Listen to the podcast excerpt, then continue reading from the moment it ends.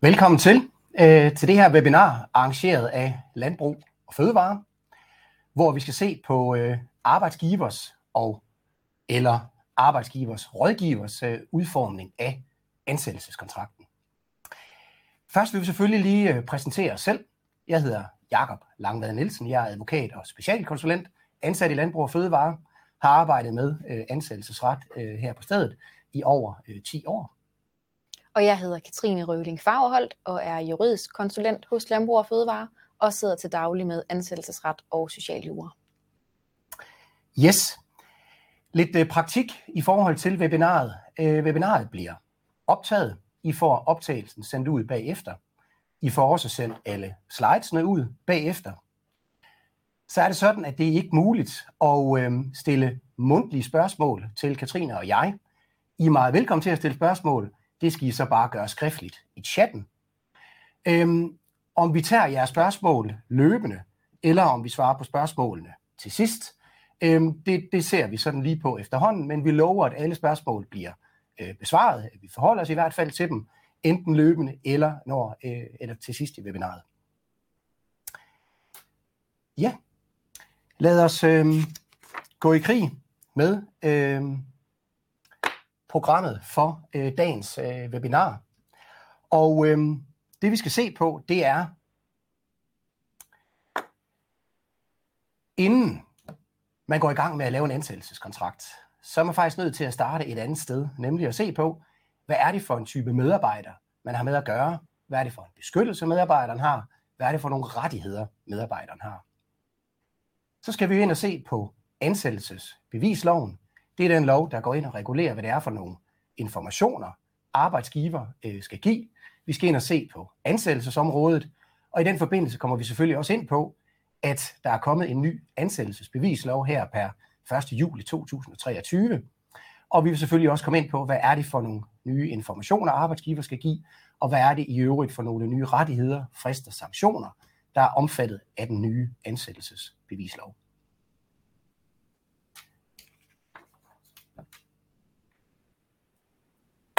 Som nævnt, øh, når man sidder enten som arbejdsgiver eller arbejdsgiver rådgiver og skal lave en ansættelseskontrakt, så det første sted, man skal starte, øh, det er ikke med at gå i gang med at lave ansættelseskontrakten.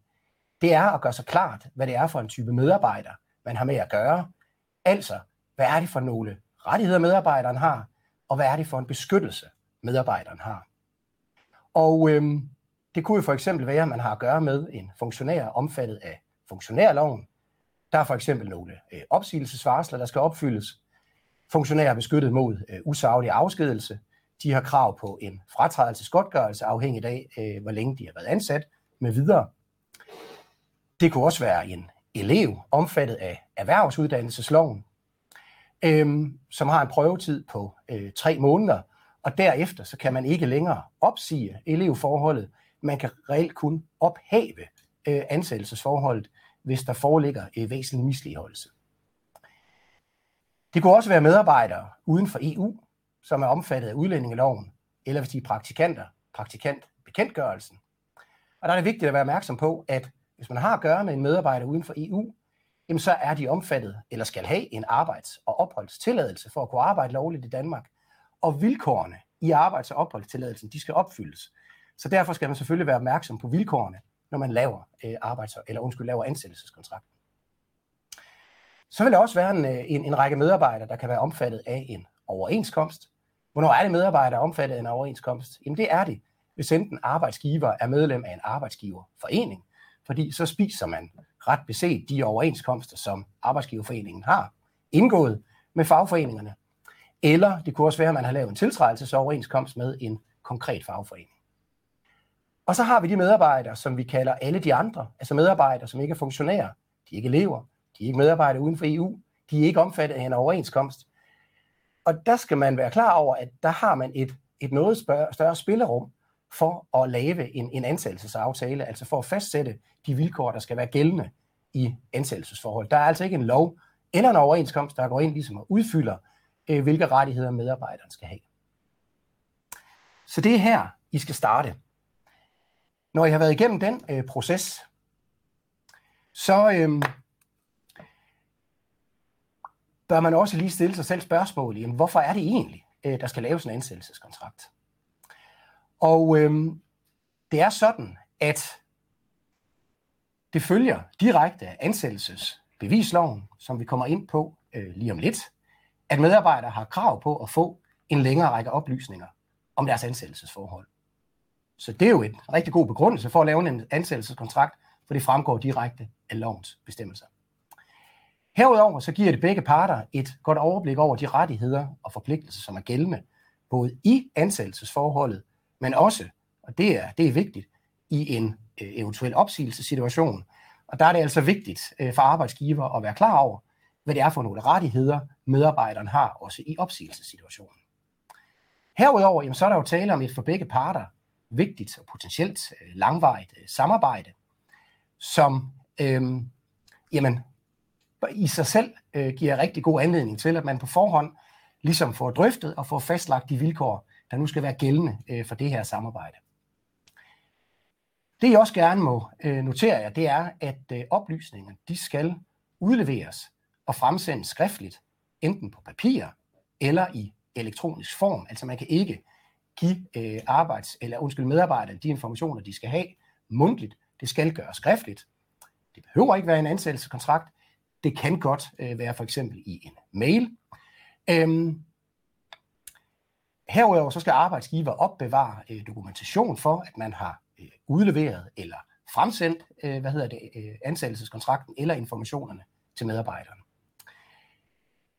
Det er en udbredt misforståelse, at det er et krav for, at en ansættelseskontrakt er gyldig, eller for, at arbejdsgiver har udleveret informationerne, at medarbejderen har skrevet under på en ansættelseskontrakt. Så det er ikke et krav.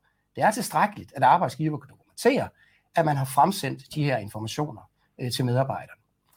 Vi anbefaler dog af bevismæssige årsager, at det er en rigtig god idé at sikre, at medarbejderen skriver under på ansættelseskontrakten. Ganske enkelt for, at der ikke opstår en senere tvivl om, hvorvidt medarbejderen har accepteret vilkårene. Men en medarbejder, der på mail får fremsendt en ansættelseskontrakt og ikke reagerer, der vil der ikke gå særlig lang tid, hvor man vil sige, at jamen, så er medarbejderen, hvad kan man sige, bundet af de vilkår, det er det, der er aftalt, hvis ikke man reagerer. Men anbefalesværdigt er det at få en underskrevet ansættelseskontrakt. Så lad os gå ind og se på øh, ansættelsesbevisloven. Der er kommet en ny ansættelsesbevislov, som afløser den gamle øh, ansættelsesbevislov. Den nye trådte i kraft den 1. juli 2023. Og den indebærer en udvidelse af arbejdsgivers oplysningsforpligtelse. Altså ifølge den nye lov, der skal arbejdsgiver give flere oplysninger, end man skulle efter den gamle ansættelsesbevislov. Den nye ansættelsesbevislov indfører også en række materielle rettigheder for medarbejderne. Der bliver indført nye frister for, hvornår oplysningerne skal gives, og øh, der bliver også indført nye sanktioner for en overtrædelse af loven. Alt det, det vender vi stærkt tilbage til øh, senere i det her webinar. Den nye ansættelsesbevislov, den gælder per 1. juli 2023 for alle medarbejdere, uanset hvornår de er ansat. Altså uanset om de er ansat før eller efter 2023. Det man dog skal være opmærksom på, det er, at medarbejdere, der er ansat før 1. juli, de alene har krav på at få de nye, altså de udvidede oplysninger, omfattet af arbejdsgivers oplysningsforpligtelse i ansættelsesbevisloven, hvis de anmoder herom. Og hvis de anmoder om at få de her nye oplysninger, jamen så skal oplysninger gives inden for en frist øh, på 8 uger efter medarbejderens anmodning. Så det, øh, jeg hermed siger, er, at det ikke er sådan, at man skal ud og lave et tillæg til en ansættelseskontrakt. Nødvendigvis, det kan godt være, at man skal gøre det, det kommer vi tilbage til. Men det er ikke sådan, at man skal ud og lave nye ansættelseskontrakter til alle medarbejdere, der er ansat øh, før den 1. juli 2023. Men vær opmærksom på, hvis de anmoder om at få de her nye oplysninger, så skal I udlevere dem, og der er en frist på 8 uger, øh, I skal overholde. Hvem er det så, der har krav på at få en ansættelseskontrakt? Det giver selvfølgelig god mening lige at gøre sig det klart, når vi snakker om øh, både hvorfor og hvordan en ansættelseskontrakt skal udformes. Ifølge den nye ansættelsesbevislov, der øh, er det lønmodtager med et ansættelsesforhold, hvor den forudbestemte eller faktiske arbejdstid udgør mere end gennemsnitligt 3 timer om ugen, beregnet over en referenceperiode på fire på hinanden følgende uger. Og øhm, så vil nogle af jer vide, måske jer alle sammen, at det er jo en skærpelse i forhold til den tidligere ansættelsesbevislov, fordi der, der var det alene et krav, at medarbejderens øh, arbejdstid skulle overstige 8 timer om ugen, og ansættelsesforhold skulle have en varighed på mere end en måned. Så det kræver altså nu en kortere arbejdstid, for at medarbejderne er omfattet af ansættelsesbevisloven, og dermed har krav på at få udleveret et ansættelsesbevis, eller få oplysningerne omfattet, altså oplysningerne udleveret, øh, omfattet af ansættelsesbevisloven. Noterer jeg også, at den her pligt til at give de her oplysninger skriftligt til medarbejderen, indtræder så snart det står klart, at der arbejdes mere end tre timer om ugen i en referenceperiode på fire på hinanden følgende uger. Så det vil altså sige, at en medarbejder, som før 1. juli 2023, der arbejdede under øh, 8 timer om ugen, øh, og dermed ikke havde krav på en ansættelseskontrakt, lad os sige, at han, arbejdede, eller hun arbejdede 5 timer om ugen, når vi så passerer 1. juli 2023, jamen så har medarbejderen krav på at få udleveret de oplysninger, som er omfattet af ansættelsesbevisloven. Og det betyder også, at det ikke nødvendigvis, eller det er ikke det aftalte, den aftalte arbejdstid, der er afgørende for, om medarbejderen skal have informationerne. Det er den faktiske arbejdstid. Og hvis man kan se, at den faktiske arbejdstid øh, udgør over øh, tre timer om ugen ret hurtigt i ansættelsesforholdet, jamen så vil øh, den her pligt også indtræde på et tidligere tidspunkt. Vores anbefaling er, at uanset om en medarbejder ifølge ansættelsesbevisloven har krav på at få en ansættelseskontrakt eller få udleveret de her informationer, omfattet af ansættelsesbevisloven, jamen så er det altså en god idé at få lavet den, uanset hvad. Og det skyldes, at de tvister, der kan opstå om et ansættelsesforhold, om løn, om ansættelse, om opsigelsesvarsler, om stillingens indhold, med meget mere, jamen det er jo akkurat de samme tvister, der kan opstå for en medarbejder, der ikke har krav på en ansættelseskontrakt, og man måske af den årsag vælger at sige, vil det være så behøver vi ikke lave den, som der kan opstå i forhold til medarbejdere, øh, som har krav på at få en. Og man stiller sig ganske enkelt bare bedre, man beskytter sig selv bedre som arbejdsgiver ved at få lavet øh, en ansættelseskontrakt for alle sine medarbejdere.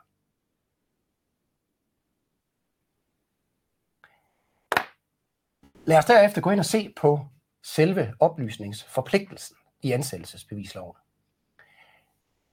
Den kan I finde i paragraf 3 stykke 2, og så har vi de punkter, der skal informeres om i nummer 1 til 15.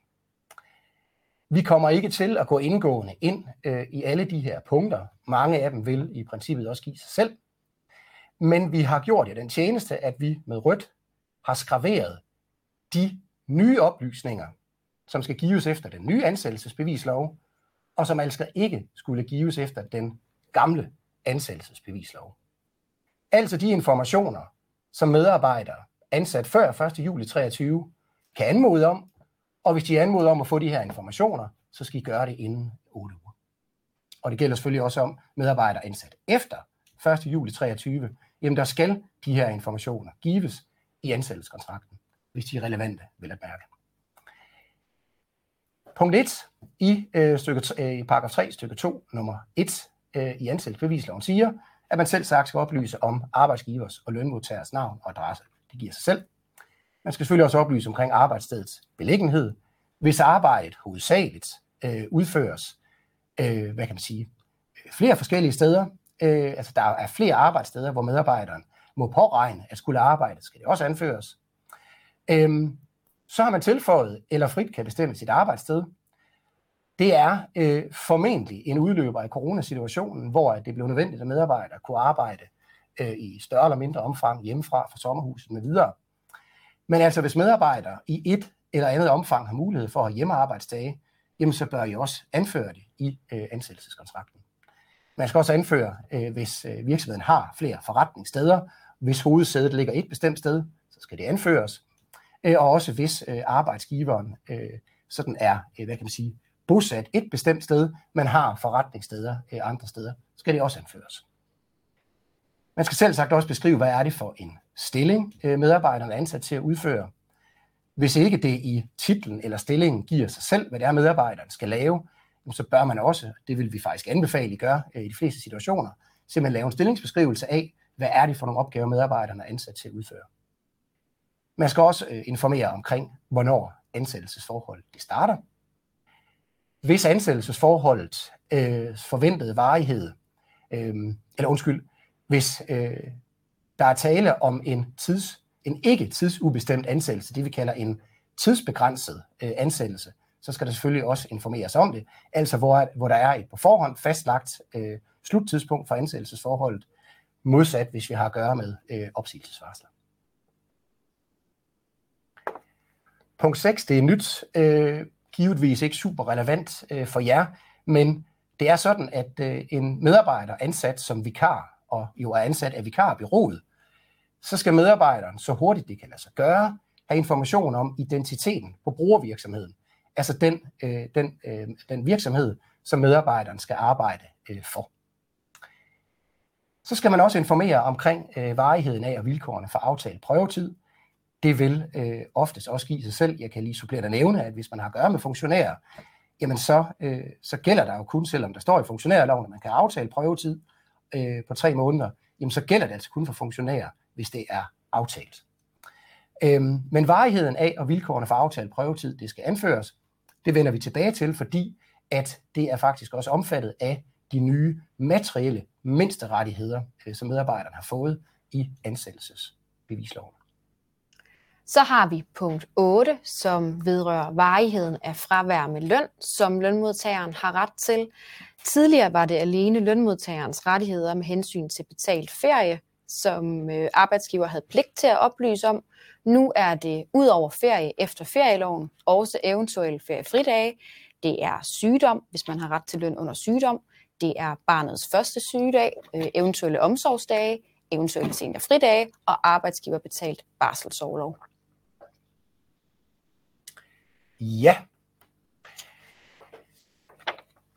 Igen, øh, punkt 9 og punkt 10 er uændret i forhold til den tidligere ansættelsesbevislov, og det, øh, det giver sig selv, at man selv sagt skal informere om, hvilke opsigelsesvarsler, der gælder i ansættelsesforholdet.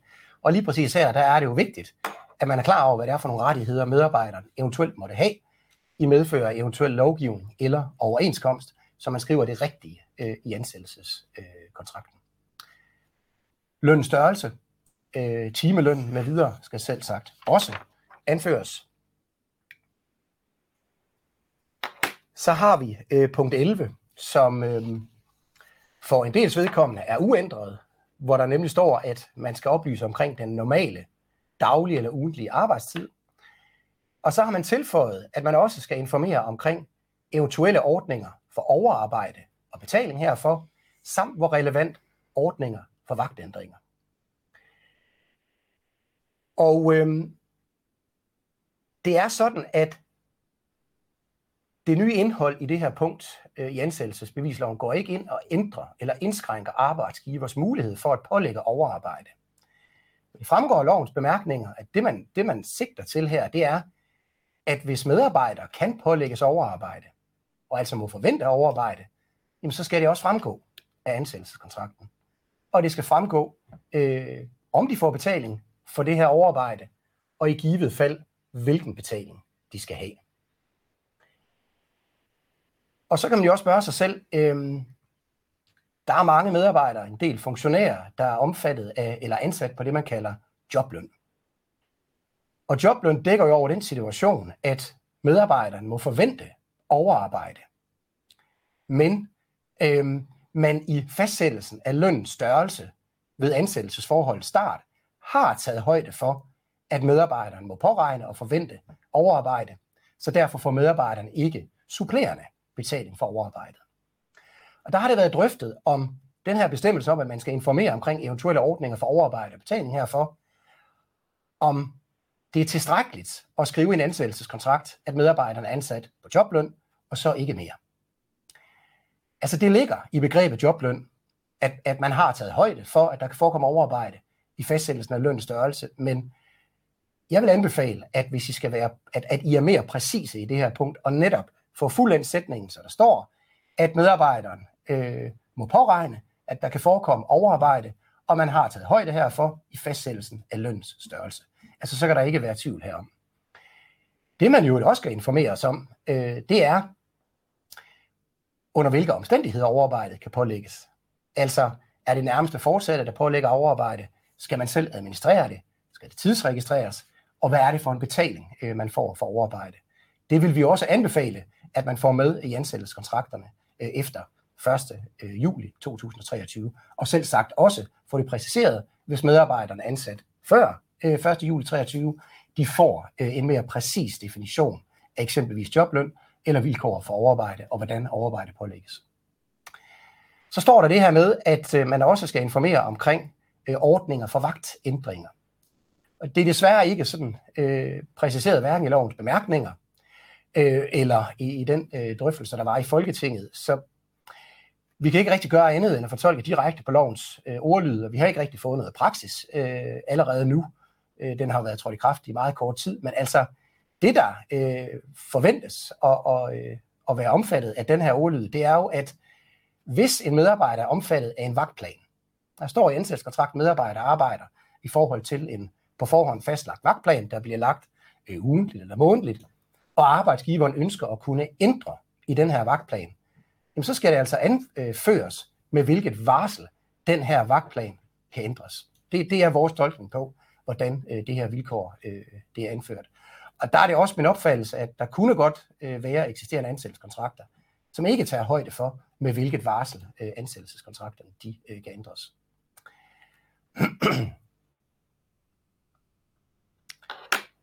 Så har vi et andet nyt øh, og også øh, sådan mere centralt punkt, nemlig at der er øh, indsat regler omkring orientering af lønmodtagere, hvis arbejdsmønster er helt eller overvejende uforudsigeligt. Og hvad er det så for nogle medarbejdere, der har et arbejdsmønster, der er helt eller overvejende uforudsigeligt? Igen, hvis vi kigger i lovens bemærkninger, der står, at jamen, hvis arbejde tidsmæssige placering ikke er fastlagt, eller kun fastlagt i mindre omfang. Og man nævner i lovens bemærkninger specifikt det, man kalder 0-timers kontrakter. Det er medarbejdere, der er forpligtet til at møde op, når man ringer efter dem, øhm, uden reelt at kende den arbejdstid, de er omfattet af. Det kunne også være øh, medarbejdere, der enten helt eller delvis har tilkaldet vagter. Altså der siger man, jamen der har man at gøre med medarbejdere ved et arbejdsmønster, der er helt eller overvejende uforudsigeligt. Men det vil efter vores opfattelse også være medarbejdere, hvor der i ansættelseskontrakten står, at øh, man er ansat efter behov. Og så kan det godt være, at virkeligheden er, at man øh, hver uge arbejder i tidsrummet, øh, lad os sige mandag til fredag fra 6 til 18, men man hver dag aldrig rigtig ved, øh, hvor mange timer man reelt arbejder. Det gør man hverken øh, ugentligt eller månedligt. I de situationer har vi også at gøre med et helt eller øh, overvejende uforudsigeligt arbejdsmønster. Og har man at gøre med øh, sådanne medarbejdere, jamen så skal arbejdsgiver oplyse om, at tidsplanen er variabel. Man skal oplyse referenceperioden for de dage og de timer, hvor lønmodtageren kan kaldes på arbejde. Det vil sige, så lønmodtageren får en ramme for dage, hvor medarbejderen kan kaldes på arbejde. Altså igen, arbejdstiden placeres i tidsrummet øh, 6-18 eller 8-16 mandag til fredag. Øh, der arbejdes hver anden lørdag. Altså hvad der nu giver mening i de pågældende ansættelsesforhold men altså så medarbejderen har en mulighed for ligesom at kunne forudberegne, jamen, hvornår er det, jeg kan forvente øh, at skulle arbejde. Man skal også informere om minimumsvarslingsperioden for varsling forud for en arbejdsopgaves påbegyndelse, og fristen for annullering af arbejdsopgaven skal også oplyses. Og så har vi en lidt speciel øh, formulering, der siger, at antallet af garanterede timer, hvis der er indgået aftale herom, og betaling øh, for de garanterede timer skal oplyses. Det vilkår gælder selv sagt kun, hvis man har lovet en medarbejder med et helt eller overvejende uforudsigeligt arbejdsmønster, at man i hvert fald øh, kan forvente at få, øh, lad os sige, øh, betaling øh, for 20 timer, jamen, så skal det også anføres. Det vil givetvis ikke være super mange øh, af de kontrakter, I laver, som har karakter af et helt eller delvist eller, eller overvejende uforudsigeligt arbejdsmønster. Men det er selvfølgelig noget, man skal være opmærksom på, om det er det, der er tilfældet. Ja, der er kommet et spørgsmål til punkt 8, og det kommer jeg ind på lige om lidt, når vi skal se på, ved hvilke punkter man kan opfylde øh, oplysningsforpligtelsen ved henvisning, blandt andet til en overenskomst. Nu går vi videre til det nye punkt nummer 13, øh, som vedrører oplysninger om uddannelse, som arbejdsgiver eventuelt tilbyder. Oplysningspligten den omfatter blandt andet antallet af uddannelsesdage, øh, som lønmodtageren har ret til per år, samt oplysninger om arbejdsgivers generelle uddannelsespolitik. Punktet pålægger ikke arbejdsgiver at tilbyde en specifik uddannelse. Det er altså alene, hvis medarbejdere og arbejdsgiver aftaler, at medarbejderen har ret til et antal uddannelsesdage per år, øh, eller arbejdsgiver har en generel uddannelsespolitik, at det skal anføres i ansættelseskontrakten.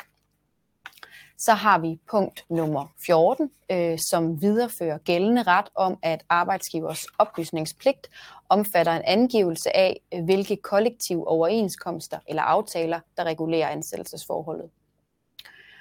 Og til sidst har vi et nyt punkt 15, Øhm, Punkt 15 øh, er en ny oplysningspligt, øh, hvor efter arbejdsgiver skal oplyse om identiteten på de socialsikringsinstitutioner, der modtager sociale bidrag, som er knyttet til ansættelsesforholdet.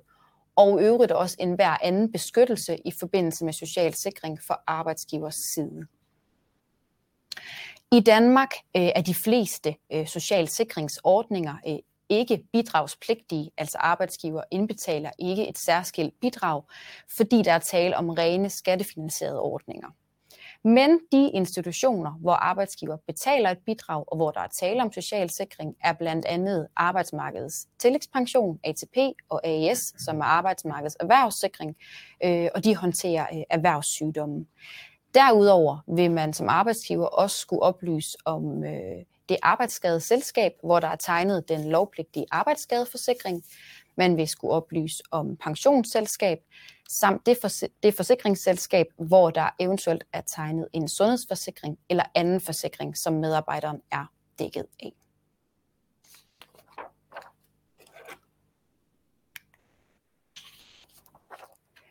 Så kommer vi frem til de oplysninger, øh, hvor man som arbejdsgiver kan opfylde oplysningsforpligtelsen ved en henvisning til enten lov, administrative bestemmelser, kollektive overenskomster eller til en eventuel personalehåndbog.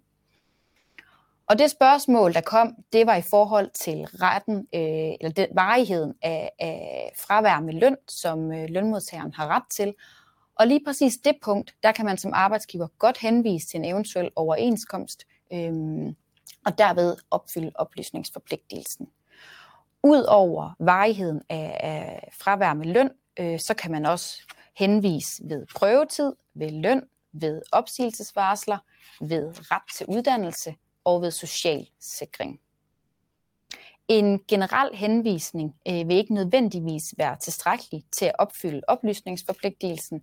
Det er vigtigt at holde sig for øje som arbejdsgiver, at det afgørende er, at øh, medarbejderen skal være i stand til at danne sig et overblik over sin retsstilling øh, på baggrund af henvisningen. Og så er der kommet et spørgsmål til punkt nummer 13 i forhold til retten til uddannelse. Der står, hvad hvis arbejdsgiver ikke tilbyder uddannelse, må man så slette punktet. Og det er her, ja, hvor det er et punkt, der kun vedrører øh, en oplysningspligt, hvor der reelt set er en ret til uddannelse. Så hvis der ikke er det, så skal man ikke oplyse om det.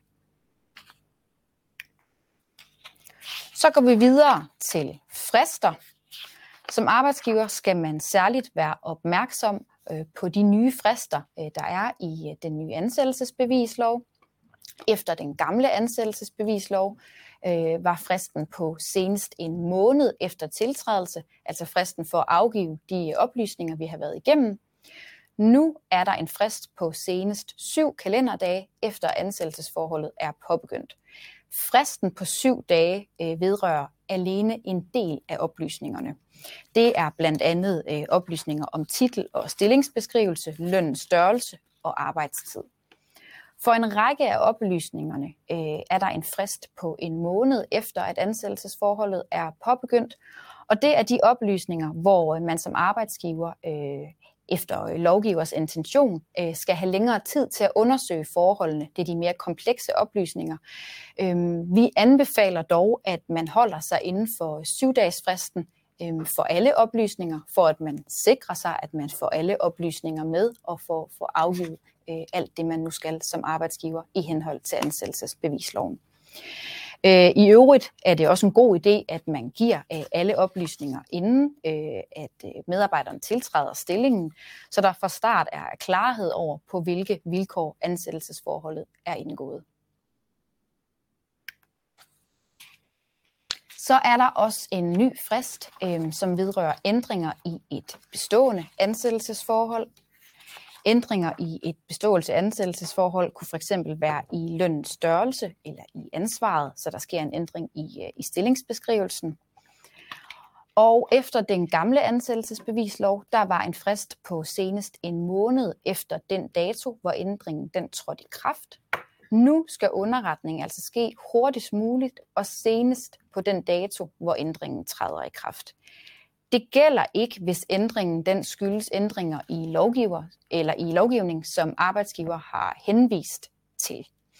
Underretning skal ske skriftligt, og det kan man gøre for eksempel ved et øh, tillæg eller anden skriftlig information. Ja, og nu til noget helt andet, men stadigvæk noget, der har at gøre med øh, ansættelsesbevisloven, selv sagt, og ansættelseskontrakten, fordi det er sådan, at øh, den nye ansættelsesbevislov indfører noget nyt, øh, som ikke tidligere har været en del af ansættelsesbevisloven, nemlig den indfører en række materielle rettigheder.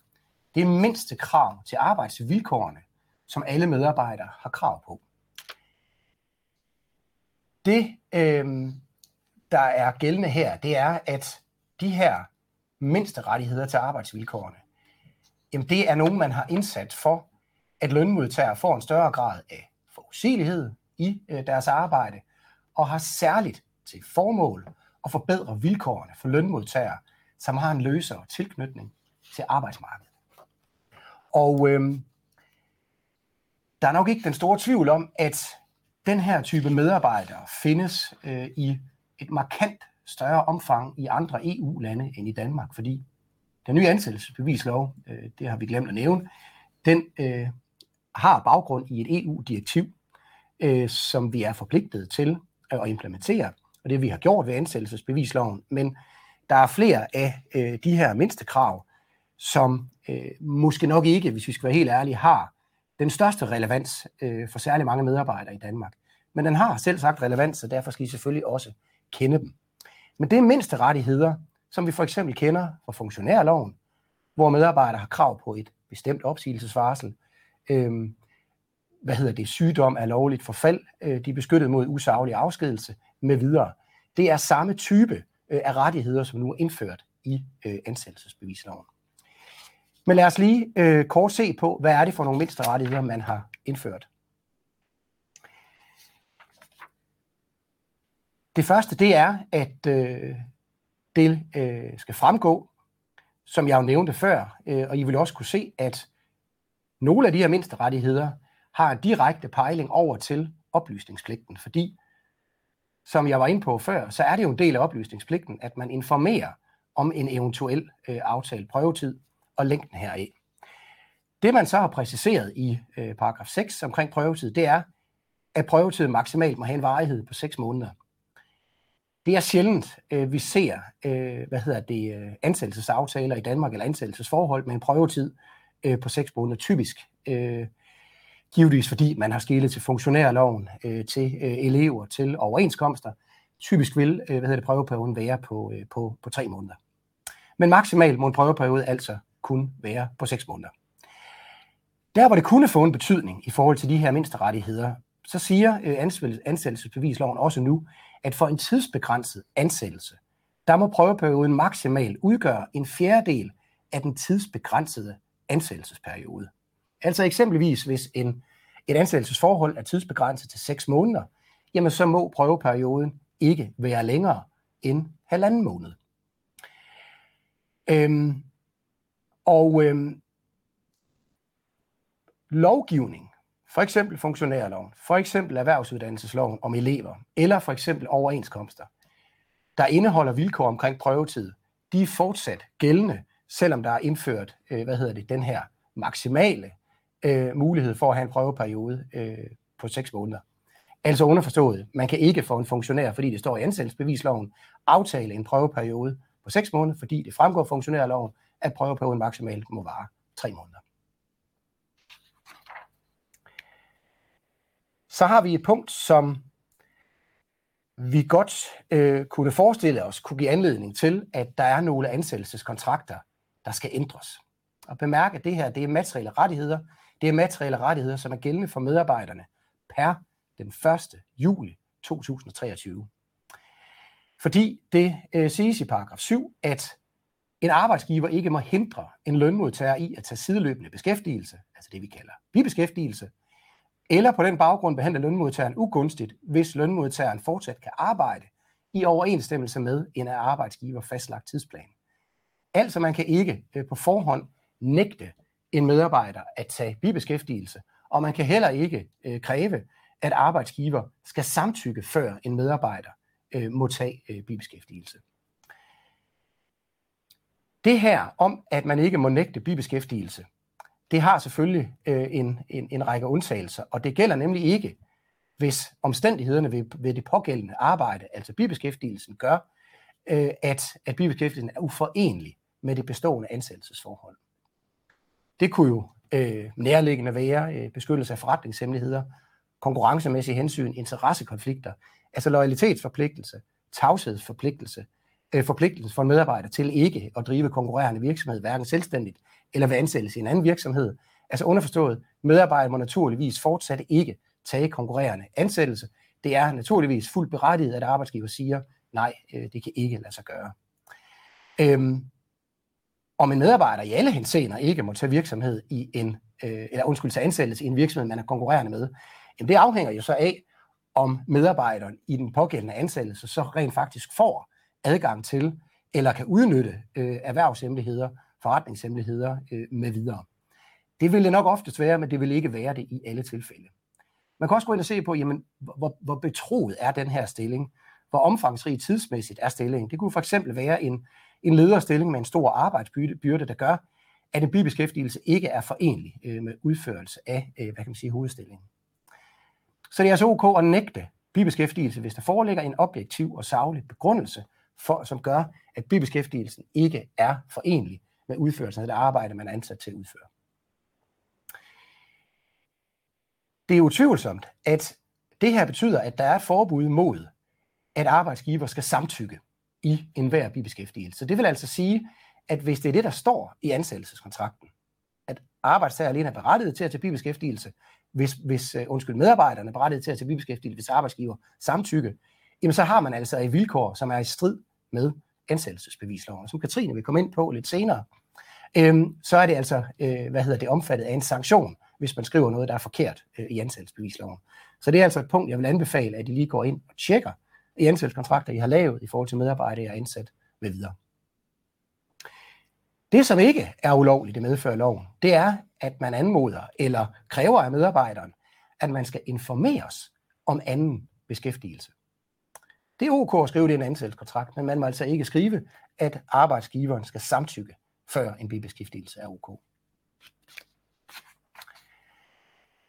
Så har vi øh, et nyt punkt øh, omkring øh, uforudsigelig arbejdstid, og det er jo et punkt, der igen relaterer sig til den oplysningsforpligtelse, vi gennemgik før, omkring medarbejdere, der har et arbejdsmønster, som er helt eller overvejende uforudsigeligt.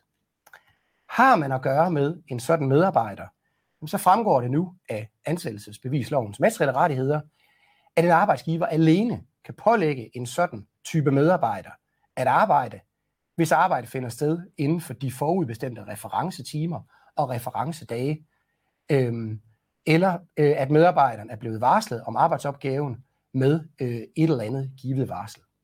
Så i forhold til de her medarbejdere, der er det altså nu vigtigt, at man får præciseret, jamen, hvornår er det, altså inden for hvilket tidsrum kan medarbejderen forvente øh, at skulle arbejde. Øhm, selvfølgelig, hvad får man af betaling øh, herfor? Fordi hvis ikke de her betingelser de er opfyldt, jamen, så kan medarbejderen berettiget afvise øh, opgaven uden negative følger øh, for ansættelsesforholdet. Og så står der også, at annullering af arbejde efter udløb af en rimelig frist medfører lønmodtagers ret til kompensation, altså en lovfæstet ret til kompensation. Det her vilkår, øh, det, det er den situation, hvor man har en arbejdsgiver, der har, øh, hvad hedder det, øh, meddelt medarbejderen, at man skal arbejde øh, på nogle givende dage, og man så annullerer øh, det her arbejde.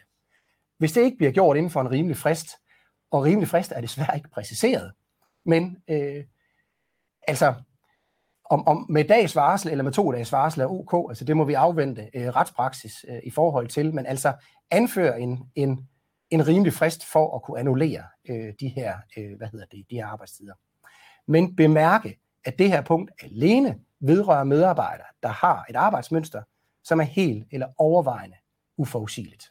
Og det er selv sagt ikke til hinder for, at man tilbyder den her type medarbejdere arbejde uden for øh, de her referenceperioder, hvor medarbejderen kan forvente øh, at skulle møde på arbejde. Så har vi to øh, særlige bestemmelser. Paragraf 9 vedrører øh, de ansatte, øh, som arbejder på tilkaldet basis, altså de bliver ringet op øh, og bliver bedt om at komme på arbejde. I forhold til den her type medarbejdere, der har man nu en særlig øh, beskyttelse, en særlig formodningsregel, der indebærer, de her medarbejdere, der har været ansat på tilkaldebasis i mere end tre måneder, der påviler det arbejdsgiveren at godt gøre, at der ikke er indgået en ansættelsesaftale med et minimums antal betalte timer, svarende til det arbejde, der er udført af lønmodtageren i de seneste fire uger. Og det er jo en, det er jo en lidt speciel øh, bestemmelse, fordi hvordan i himlens navn øh, skal arbejdsgiver kunne godt gøre det. Det, der står i bemærkningerne, det er, at ansættelseskontrakten bliver et vigtigt bevismiddel. Fordi hvis det fremgår tydeligt i ansættelseskontrakten, at arbejdstiden er variabel, man har godt nok øh, indført en referenceperiode, men arbejdstiden er variabel, jamen så vil arbejdsgiver kunne godt gøre, at det var ikke det, der var tanken med det her ansættelsesforhold, og derfor så øh, er medarbejderen ikke berettiget til og øh, hvad hedder det, øh, at få den her anden type ansættelse. Så har en medarbejder også øh, ret til at anmode om en anden og mere tryg ansættelsesform. Det er i paragraf 10.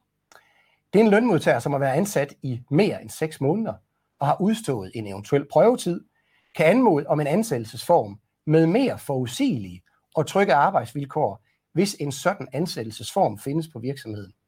Og det kan ret beset være alle typer øh, af, af ansættelsesforhold. Men øh, det, der er særligt ved den her bestemmelse, det er, at det, som medarbejderne alene har ret til, det er at få et begrundet skriftligt svar en gang om året. Altså arbejdsgiver er ikke forpligtet til at imødekomme en anmodning fra for eksempel en ansat, der er ansat på tilkaldebasis. Øh, man har øh, fastansatte medarbejdere.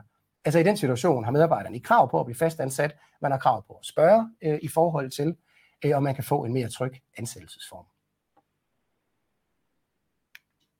Ja, så har vi den sidste øh, mindste rettighed, som er indført i den nye ansættelsesbevislov, og den vedrører obligatorisk uddannelse.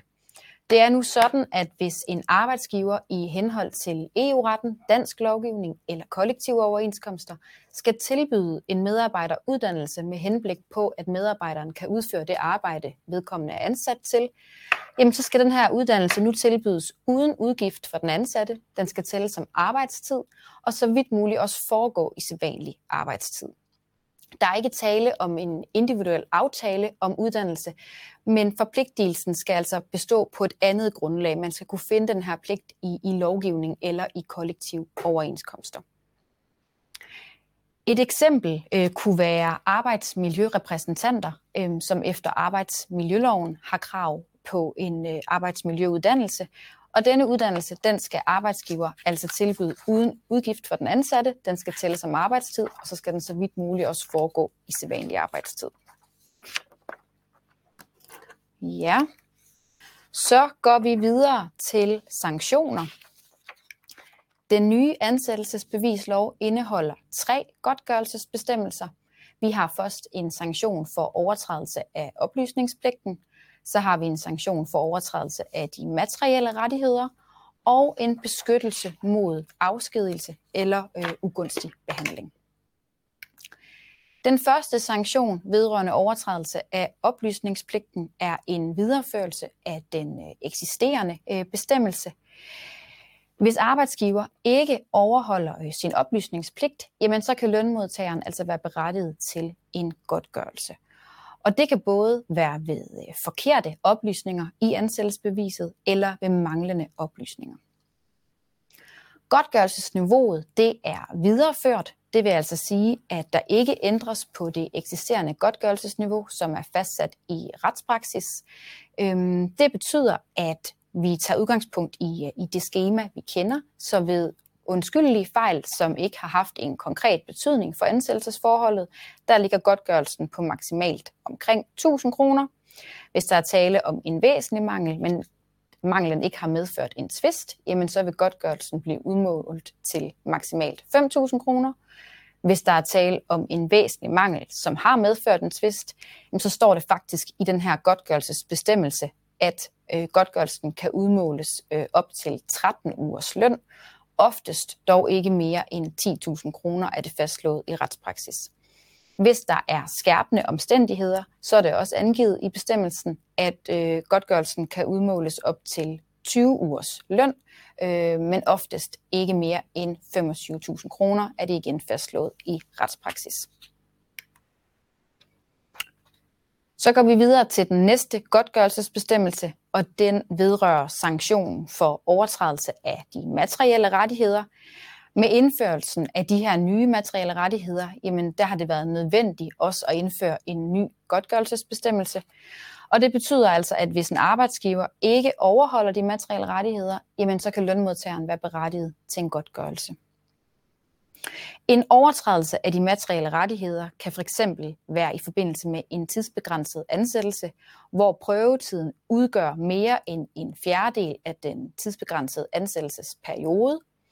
Det kan også være ved nægtelse af uddannelse, som arbejdsgiver har pligt til at tilbyde medarbejderen efter lovgivning eller kollektive overenskomster. Og det kunne også være nægtelse af bibeskæftigelse i strid med den materielle bestemmelse herom. Godtgørelsesniveauet det er ikke øh, reguleret. Øh, størrelsen fastsættes i retspraksis. Vi har ikke noget endnu, men vi kan lægge os op af godtgørelsesniveauet efter anden ansættelsesretlig lovgivning, som indeholder øh, mindste rettigheder for medarbejderen. Det kan for eksempel være øh, en overtrædelse af 48-timers-reglen, som findes i arbejdstidsloven. Her der vil godtgørelsen som udgangspunkt starte på 25.000 kroner. Så har vi den sidste godtgørelsesbestemmelse, øhm, som beskytter mod øh, afskedelse eller foranstaltninger med tilsvarende virkning. Øhm, det vil være ved væsentlige vilkårsændringer. Og det er i den situation, hvor medarbejderen gør rettigheder efter loven gældende, øh, og af den grund mener øh, at være øh, blevet udsat for, øh, for ugunstig behandling. Medarbejderen vil have ret til en skriftlig begrundelse for øh, afskedelsen eller den pågældende øh, foranstaltning, for dermed at kunne vurdere, øh, om, det, øh, om begrundelsen er, at vedkommende har gjort øh, krav efter loven gældende. Der er en øh, delt bevisbyrde i denne bestemmelse, og det betyder, at øh, lønmodtageren først skal påvise faktiske omstændigheder, der giver anledning til at formode, at vedkommende har været udsat for ugunstig behandling, som følge af at gjort rettigheder efter loven gældende. Herefter vendes øh, bevisbyrden over på arbejdsgiver, hvorefter arbejdsgiver så skal godt gøre, at øh, afskedelsen ikke er begrundet i, at lønmodtageren har gjort eksempelvis mindste rettigheder efter loven gældende. Godtgørelsesniveauet er ikke reguleret i denne bestemmelse, og der er ikke noget praksis endnu. Øhm, det følger af bemærkningerne til loven, at niveauet er afhængig af de konkrete omstændigheder, og at man kan lægge sig op af godtgørelsesniveauet for usaglig opsigelse efter anden ansættelsesretlig lovgivning. Det kunne eksempelvis være funktionærlovens paragraf 2b, øh, som vedrører usaglig opsigelse. Ja. Der er ikke spørgsmål, vi mangler at få besvaret. Der er ikke kommet mere, nej. Nej. Jamen, så vil vi øh, sige tak for øh, jeres deltagelse. Selvfølgelig godt opmærksom på, at øh, hvis I har spørgsmål til det her område, så er I meget velkommen til at ringe til os. Vi kan også informere om, at øh, hvis man har et abonnement på det, der hedder Landbrugsinfo, jamen, så har man adgang til de øh, flere paradigmer, vi laver til øh, forskellige typer af ansættelsesforhold for funktionærer, for fastansatte, for timelønnede, som medarbejdere, der ikke er omfattet af en overenskomst. Øhm, men hvis ikke der er andet fra øh, jeres side, så vil vi sige øh, pænt tak for i dag, og øh, fortsat god dag.